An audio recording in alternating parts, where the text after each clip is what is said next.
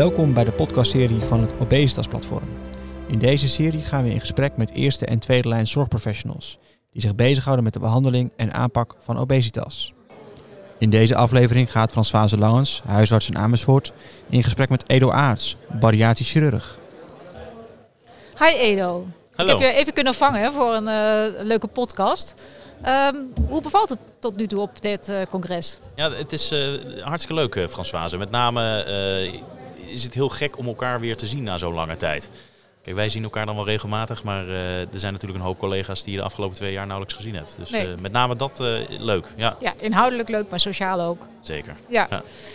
Hoe ben je eigenlijk ooit aan het onderwerp obesitas gekomen? Is daar een, een verhaal bij? Een beetje een vreemd verhaal in die zin dat ik gewoon nog arts in opleiding was destijds. En een, een via-via bekende bezig was met een onderzoekje. En dat was in een eh, bariatrische kliniek in Arnhem. Ehm, en eh, ja, zo is dat ooit begonnen. En eh, zelf daarna veel onderzoek gedaan, onderzoeksafdelingen opgezet. En ja, zo langzamerhand in de obesitas gerold. Ja. En sinds kort hebben jullie echt een eigen bariatrische kliniek in Amersfoort, hè? Dat is wel bijzonder inderdaad. Daar zijn we wel heel lang mee bezig geweest hoor. Want ja, zoals je weet, zoiets begin je niet zomaar. Kan iedereen zich wel iets bij voorstellen. En ik moet heel eerlijk zeggen dat gaandeweg je er eigenlijk pas achter komt hoeveel werk het is. Maar met als stip op de horizon echt die, die patiëntenzorg echt te verbeteren, eh, is dat nu gelukt. En eh, zijn we inderdaad eh, ja, gestart in Amersfoort. Ja, want dat denk je dan, hè? Zo'n bariatrische operatie moet per se in een kliniek plaatsvinden. Of laat ik zeggen in een Mhm. ouderwets ziekenhuis. Maar jullie kunnen gewoon opereren in jullie eigen kliniek, die eigenlijk bijna midden in een woonwijk gewoon staat. Ja, dat is ook wel een beetje gek als je dan de eerste keer daar naartoe rijdt. Dan denk je, goh, ja, aan de ene kant je gaat een operatie krijgen als patiënt. En dan rij je inderdaad eh, nou, wel een mooie plek binnen, maar eh, niet direct misschien waar je het verwacht. Het belangrijkste is om, om, om goed te beseffen wat er allemaal veranderd is de afgelopen jaren. Eh, een operatie klinkt spannend, maar de risico's zijn de afgelopen jaren zoveel kleiner geworden. En natuurlijk moet je de dingen allemaal goed regelen, want het, ja, we hebben natuurlijk ook gewoon afspraken met het ziekenhuis om de hoek als er iets is dat we daar eh, gewoon zelf ook eh, naartoe kunnen.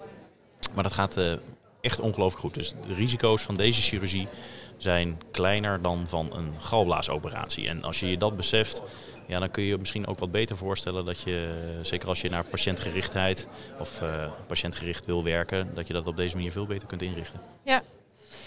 Stel, ik heb eerst plaats het geluk dat jullie bij mij in de wijk zijn komen werken. En dat is puur toeval, hè? Of, of heb je toch gedacht, wij gaan bij Françoise in de buurt Wij wisten zitten? dat jij daar woonde en we dachten, dat, nou ja, dit, dit, dit is leuk. Ja. Eh, en en nou, in, in, in, door die reden spreken we elkaar ook veel vaker nu. Ja. Eh, dat is een mooie bijkomstigheid.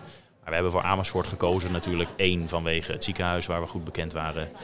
ehm, waar we zelf ook werkzaam zijn. En eh, ten tweede natuurlijk de hele centrale ligging. Het ligt gewoon ja, van alle gewesten eh, het meest centraal. Ja. En dat maakt ook dat je ziet dat onze patiënten komen echt letterlijk vanuit heel Nederland. Dus wij dachten, het is veel mensen natuurlijk ook regionaal, hè, via onder andere de huisartsen. De collega's eh, uit het ziekenhuis, maar echt ook mensen ja, vanuit Groningen, eh, Friesland, eh, nou, waar we nu ook zitten, Maastricht, eh, Zeeland, noem het maar op. Ze komen echt overal vandaan. Ja. Waar we het samen over hadden, eh, was dat we eigenlijk toch die samenwerking hè, tussen de huisarts, eh, de internist, eh, de kinderarts en de bariatrische chirurg toch wat willen verbeteren. Want de huisarts verwijst wel, maar daar stopt het al een beetje mee, denk ik. Ja, ik wil niet zeggen versnipperd, maar het lastige denk ik voor huisartsen is dat we er slecht in slagen om die, om, ja, die communicatie goed te houden. Dus eh, als huisarts bijvoorbeeld moet je van alles zo ongelooflijk veel weten. Ja, dat, kan ik met mijn hoofd niet bij. Eh, dus ik, ik kan niet verwachten dat iedereen precies weet wat zo'n operatie inhoudt. Als je daar een vraag over hebt, ja, je kunt eigenlijk niet zo heel goed ergens terecht. En daarom zijn die samenwerkingen wel heel erg belangrijk. Wat ik het liefste heb is dat een huisarts gewoon mij op mijn eigen 06 belt en zegt van goh, ik heb hier een patiënt, eh, wat kunnen we ermee doen in de hele breedte? Ja. Die samenwerking, want ik merk hier op het congres dat af en toe een beetje een soort eh, oorlogssfeer ontstaat Mhm. tussen de chirurgen en de internisten. Ja. Net was er een internist en die zei, ja maar weet je, we hebben ook zo lang moeten opkijken naar de chirurgen die heel trots liepen, hè, verteld dat zij eh, de oplossing hadden. En nu hebben we eindelijk een beetje de, ook een oplossing in handen. Mhm. Ehm, maar, maar hoe is dat die samenwerking met internisten en, en chirurgen? In dit geval bariatrische chirurgen. Dat is eigenlijk een hele gekke opmerking die je maakt natuurlijk. Hè. We zijn allemaal dokter geworden om die patiënt te helpen. Dus het is eigenlijk voor mij nooit een soort wij tegen zij gevoel. En dat, dat proef je bij sommige collega's inderdaad wel. Wordt wel beter. Je ziet dat de interesse in elkaars vakgebied wel groter wordt. Ehm, dus die lijnen vervagen wat. Ik denk dat je met name goed moet kijken naar elke individuele patiënt. En daar gewoon moet ja, bedenken wat het beste past. En als je als endocrinoloog dan een patiënt hebt die het beste past bij bariatrie, ja, dan, dan verwijs je hem door of overleg je dat met een directe collega. Maar ook andersom. Ik Ja. eh, zie ook veel patiënten waarvan ik zeg, nou, eh, vanwege die en die redenen eh, is dit nou juist geen kandidaat voor bariatrie. En verwijs ik weer terug naar, naar onze endocrinoloog. Ja, dat, dat, dat, dat doen we, ja. Ja. Dat wordt wel steeds beter, moet ik zeggen. Ja, want in eh, de regio Eemland willen we daar eigenlijk een soort zorgpad voor eh, opstellen. En, en eigenlijk denk je, hoe moeilijk kan dat zijn? Maar er zitten toch nog een aantal haken en ogen aan die eh, moeilijker zijn dan verwacht. Maar dat zou mooi zijn, dat we met z'n allen gewoon samenwerken en ehm, eh, jullie expertise kunnen gebruiken van is dit een patiënt voor medicatie of bariatrie?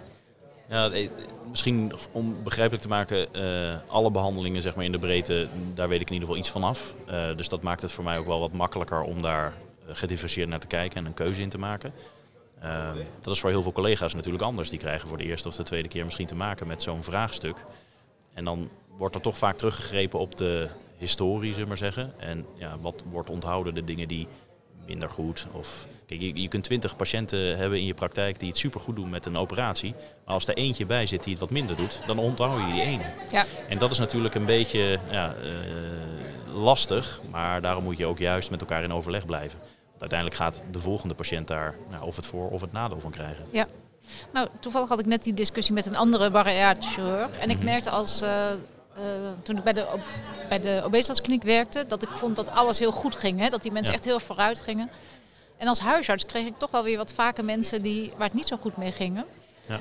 Gaat. En ik denk dat het ook verwachtingsmanagement is. Een deel van die patiënten denkt, als ik maar slank ben, dan heb ik geen financiële schulden meer. Dan hè, kan ik weer alles mee, dan ben ik net zo belangrijk. Dus daar gaat het heel vaak over. En dan niet eens zo die operatie die niet goed gegaan is, maar mensen die toch achteraf niet geen spijt hebben, maar misschien te veel hebben verwacht dat als je maar slank bent, dan hè, gaat de hele wereld, gaat heel je leven gewoon vanzelf. En dat is natuurlijk soms toch een beetje een domper eh, die niet altijd opgaat.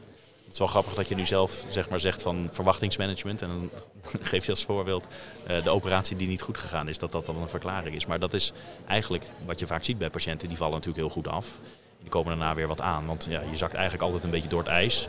En daarna moet je natuurlijk ervoor zorgen dat je stabiel blijft. Kijk, als je maar voldoende calorieën binnenkrijgt, dan kun je ook weer gewoon zwaarder worden met elke Ja. operatie. Ja. Eh, maar dat goed uitleggen aan mensen, eh, dat is op papier leuk. Maar zodra het om die patiënt zelf gaat en die ziet zichzelf in die spiegel, ja, dan pas, op dat moment realiseert die patiënt zich pas wat die getallen betekenden. En daar falen we in Nederland nog een beetje in, in zoverre, ook dat wordt beter gelukkig, maar eigenlijk moet een heel groot stuk van die zorg moet verder opgeschoven worden. Het is echt volledig onzinnig om alle zorg die we hebben, zo in die eerste 1, 2 jaar na zo'n operatie bijvoorbeeld te stoppen. Of de 1, 2 jaar na een behandeling met een uh, liraglutide of uh, een, behandeling met een, met een, met een maagballon. Dat, dat heeft eigenlijk te weinig zin, want op dat moment val je toch wel af. He, ook daar in het verwachtingspatroon uh, goed krijgen, dat moet op het moment zijn als dat eigenlijk zich pas openbaart. Maar goed, dat Dus is mijn eigen wat, mening hoor. Dus. Nou ja, weet je, dat zou natuurlijk heel goed passen. Ook in wat, wat mijn uh, uh, idee is in wijkgerichte aanpak. Hè? Dat mensen mm. eigenlijk uh, teruggaan naar de leefstijlcoach op het moment dat het juist moeilijk ook wordt. Hè? Ja. Ja. ja, dat is een stukje financiering ook. Hè? Dus we hebben dat in Nederland in die zin wat lastig. Uh, omdat nu het ook zo ingesteld is. Dus je, je krijgt je, je, vergoeding, ook als patiënt, na die operatie. Maar daarna wordt het steeds lastiger. En ja, daar moeten we toch met z'n allen een keer uh, goed over nadenken. Met elkaar om tafel, met alle partijen. Dus ook met zorgverzekeraars. Om daar toch eens ja, over na te denken of dat niet anders kan. Ja. En dat is natuurlijk wat in elke voordracht hier bijna naar voren komt. Mm -hmm. Obesitas is een chronische ziekte. Dus mensen zijn ja. na de operatie niet genezen van de obesitas. Het blijft eigenlijk een, uh, een ziekte die aanwezig is. Je ziet het vaak niet meer op straat. Uh, maar wat wel grappig is, is eigenlijk dat de meeste patiënten wel een foto van zichzelf hebben van hoe zwaar ze ooit op de max waren. Uh, en als mensen die laten zien, en ook al zijn ze dan weer terug aangekomen, dan zegt iedereen om die mensen heen van wow, wat ben je goed afgevallen. Maar in het hoofd van die mensen zijn ze alweer 10 kilo aangekomen af en toe. En dat, uh, die discrepantie maakt het ook wel moeilijk hoor. Dat, uh, dat kan ik me, uh, ondanks dat ik zelf natuurlijk niet geopereerd ben, maar ik kan me daar wel iets bij voorstellen dat dat een uitdaging is geestelijk. Ja. Je had net over dat je al uh, ervaring hebt met liraglutide bij mensen met obesitas. Dat waren denk ik mensen die zelf uh, het middel betaalden. Ja, ja. ja. En hoe zijn je ervaringen? Nou, het, het, middel is natuurlijk recent vergoed eigenlijk een beetje voor dezelfde categorie uh, als onze bariatriepatiënten. Wat ik persoonlijk een hele gekke keuze vind, maar ik snap hem ook ergens wel weer. Ehm, ja, de mensen die ik daarmee behandeld heb, zijn juist niet die patiënten. Dus de indicatie is natuurlijk een BMI boven de 30 of onder de 30, uh, of nou, vanaf 27 met een, met een comorbiditeit. Uh, ik, ik moet heel eerlijk zeggen, de groep die daar zelf voor moet betalen is een hele vreemde groep. Uh, als je ergens zelf voor betaalt, dan wil je ook dat het slaagt. Dus mijn gemiddelde uitkomsten zijn echt ongekend. Ik zit gemiddeld nu op 14% gewichtsverlies. En dat is dan na een half jaar tijd. Dat is totaal tegen de verwachting in.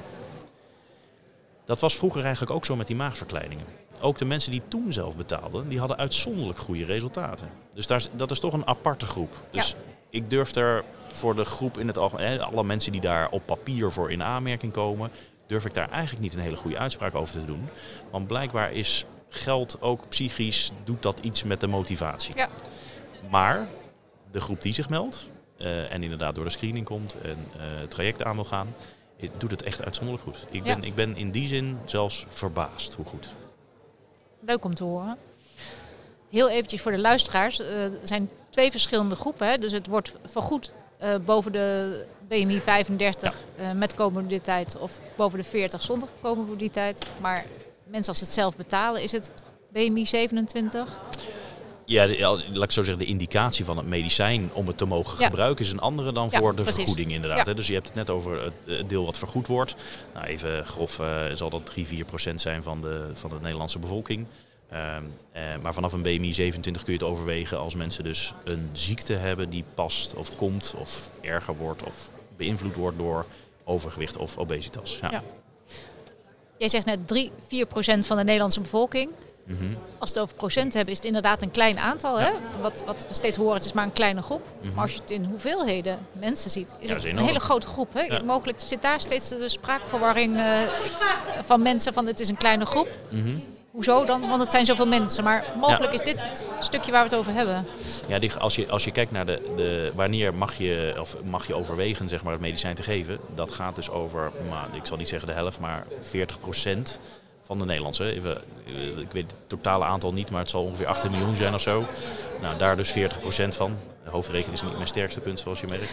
Maar uh, je bent is enorm. Ja, daarom. daarom. Alleen maar uh, probeer handig te zijn en uh, houd het eigenlijk op.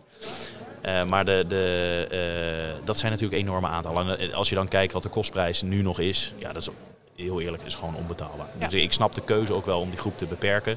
Alleen wat natuurlijk gek is, dat we maximale gezondheidswinst zouden willen hebben in die hele overgewichtige groep. Dus uh, de, de klasses 3 of 2 met comorbiditeit en 3 en hoger. Dus BMI 35 en 40.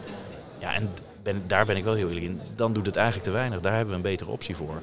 Maar ik snap het wel. Dus met het oog op de toekomst ben ik al lang blij dat er nu in ieder geval voor een groep een vergoeding is. Maar mogelijk zou ik dus mensen met een lagere BMI kunnen stimuleren om dat uh, middel te gaan gebruiken en zelf te betalen. Omdat ja. het juist ook preventief hè, uh, werkt. Ja, ja en dat, dat vind, ik, vind ik toch ook wel weer lastig. Want ja. Uh, ja, je hebt een soort selectie, dus als je het kunt betalen. Want het is echt wel een duur medicijn. Uh, zeker in deze setting is het, kost het echt gewoon flink wat geld. Je, je, krijgt een soort tweedeling eigenlijk, ja. hè, wat, wat zonde is. Maar ja, goed, ja, dat is even nu ja. het uh, moment waar we in de tijd zitten. Ja. Jij en ik kunnen dit niet uh, oplossen. Uh, nou, we kunnen in ieder geval er aandacht voor vragen. En oplossen, dat, ja, dat, dat, gaan we vandaag niet aan deze tafel voor elkaar nee. krijgen. Dat, nee. Daar ben ik met je eens. Heb je nog een voordracht gevolgd waarvan je zegt... dat moet ik gewoon met de mensen delen die nu luisteren? Nou, ik, ik, ik moet heel eerlijk zeggen dat ik een aantal dingen heb gezien waar ik uh, toch wel weer verbaasd uh, over was. Ik, ik heb natuurlijk met name naar de uh, sessies gekeken, chirurgische. Dus er zijn hier volgens mij drie of vier keer zoveel internistisch geïnteresseerden dan chirurg. Maar toch aanzienlijke groep en een leuk aantal presentaties. En ja, als ik daaruit moet kiezen, de leukste vind ik eigenlijk een studie waarbij we op basis van de data die we als, als chirurgen van elke patiënt in Nederland invoeren, dat heet de DATO, dat is een verplichte registratie, moet van alles in. Maar daar wordt heel erg leuk onderzoek mee gedaan. Want wat er nu eigenlijk uitrolt, is dat er een eh, aantal slimmerikken, die hebben een soort uh, predictiemodel gemaakt. Dus als jij een vrouw bent van 45 met uh, diabetes en uh, je krijgt een, een, een, gastric bypass, hè, een van die maagverkleiningen. Wat zijn dan jouw risico's? En dan rolt er gewoon een lijstje uit. En dat is wel gaaf eigenlijk. Want dat, je zegt altijd, nou je hebt ongeveer zoveel procent kans. Maar dat is natuurlijk voor die specifieke patiënt misschien heel anders. En dat zijn wel echt van die dingen, dat ja, dat, is, dat vind ik toch wel weer leuk. Ja. Ik, uh, daar zijn we in Nederland ook wel goed in hoor. Als je ook wereldwijd kijkt, wat, wat wij, uh, eh, collega Nienhuis bijvoorbeeld, allemaal doet met die dato. Uh, dat is echt wel indrukwekkend. Ik, uh, ja, en je glundert erbij, zie Ja, ik vind het mooi, hè, want het ja. is een initiatief wat echt jaren geleden gestart is en dat, dat, dat werpt nu zijn vruchten af. En ja. Uh, ja, dat is echt leuk om te zien. Ja. Ik heb ook nog één vraag. Het gaat hier ook over mm -hmm. een proef met bariatrie bij jongeren. Ja. Hoe sta jij daar tegenover? Um, voor, een, voor een geselecteerd groepje denk ik dat het een ongelooflijk goede oplossing is. Waar we, waar we eigenlijk ja, een beetje vreemde keuze maken is dat we een hele hoop van deze jonge mensen die echt, en het gaat niet echt om een beetje, dit zijn kinderen die echt ja, hun hele jeugd, of in ieder geval hun, hun uh, puberteit doormaken met ja, toch wel een beperking in die zin. Um, en dan laten we ze wachten tot hun 18e en uh, laten we zeggen op, op hun 18e verjaardag krijgen ze dan een maagverkleining. Ja, dat is natuurlijk een heel gek beleid. en ik denk wel dat je heel goed moet nadenken wie, welke, welke, welke jongere komt daarvoor in aanmerking. Maar daar moet toch wel zeker een betere oplossing voor komen dan dat het nu is. Want ja, ik zie ze ook regelmatig uh, op verzoek van ouders. Ja, het, het, is eigenlijk bijna niet te verkopen. Nee. Er is een behandeling, maar we mogen hem niet geven. Ja, ik, dus iedereen is voorzichtig. Maar er is er onderhand ook wel weer zoveel kennis dat je ook wel weet, nou, in ieder geval op de middellange termijn, wat, wat het oplevert. Ja. En dat is echt wel veel. Ja. De kinderarts zei wel, ik maak me zorgen, want hè, de hersenen zijn pas uh, ja. volgroeid bij 25 jaar. Herken je een klein beetje in die uh, twijfel? Ja, nee, natuurlijk. Dat, dat is, dat is een, uh, maar goed, aan de andere kant, als jij tot je 25ste in die zin minder gelukkig bent, je minder goed kunt ontwikkelen, ja, dat, dat doet ook wat op je brein ontwikkelen. Ja. Dus het heeft allemaal voor's en tegens. Ja. Ik kijk altijd gewoon van dag op dag, nou, wat, wat kan die patiënt nou eigenlijk verbeteren? Deze jongeren, zeg maar. Ja, je wil niet weten wat de verhalen zijn van de, van de jongeren die wel geopereerd zijn. Die zijn over het algemeen gewoon dolgelukkig. Al kwam dat in kwaliteit van leven uit die studie na een aantal jaren dan weer niet. Wel in gezondheid, maar in kwaliteit van leven lijkt het dan toch weer een beetje recht te trekken. Ja. Nou. Nou, leuk. Dankjewel Edu dat we dit gesprek met je mochten hebben. Ja. Heel fijn dat je er was. En ik hoop dat je nog een heel leuk congres hebt. Dankjewel en uh, leuk om je hier uh, te treffen. Ja, tot snel. Tot de volgende keer. Dag. Ga voor meer informatie, nieuws, webinars en e-learnings naar www.obesitasplatform.nl en meld je aan voor de maandelijkse nieuwsbrief. Volg ons via LinkedIn en Twitter en abonneer je voor deze podcastserie via Apple Podcast of Spotify. Heel graag tot de volgende aflevering.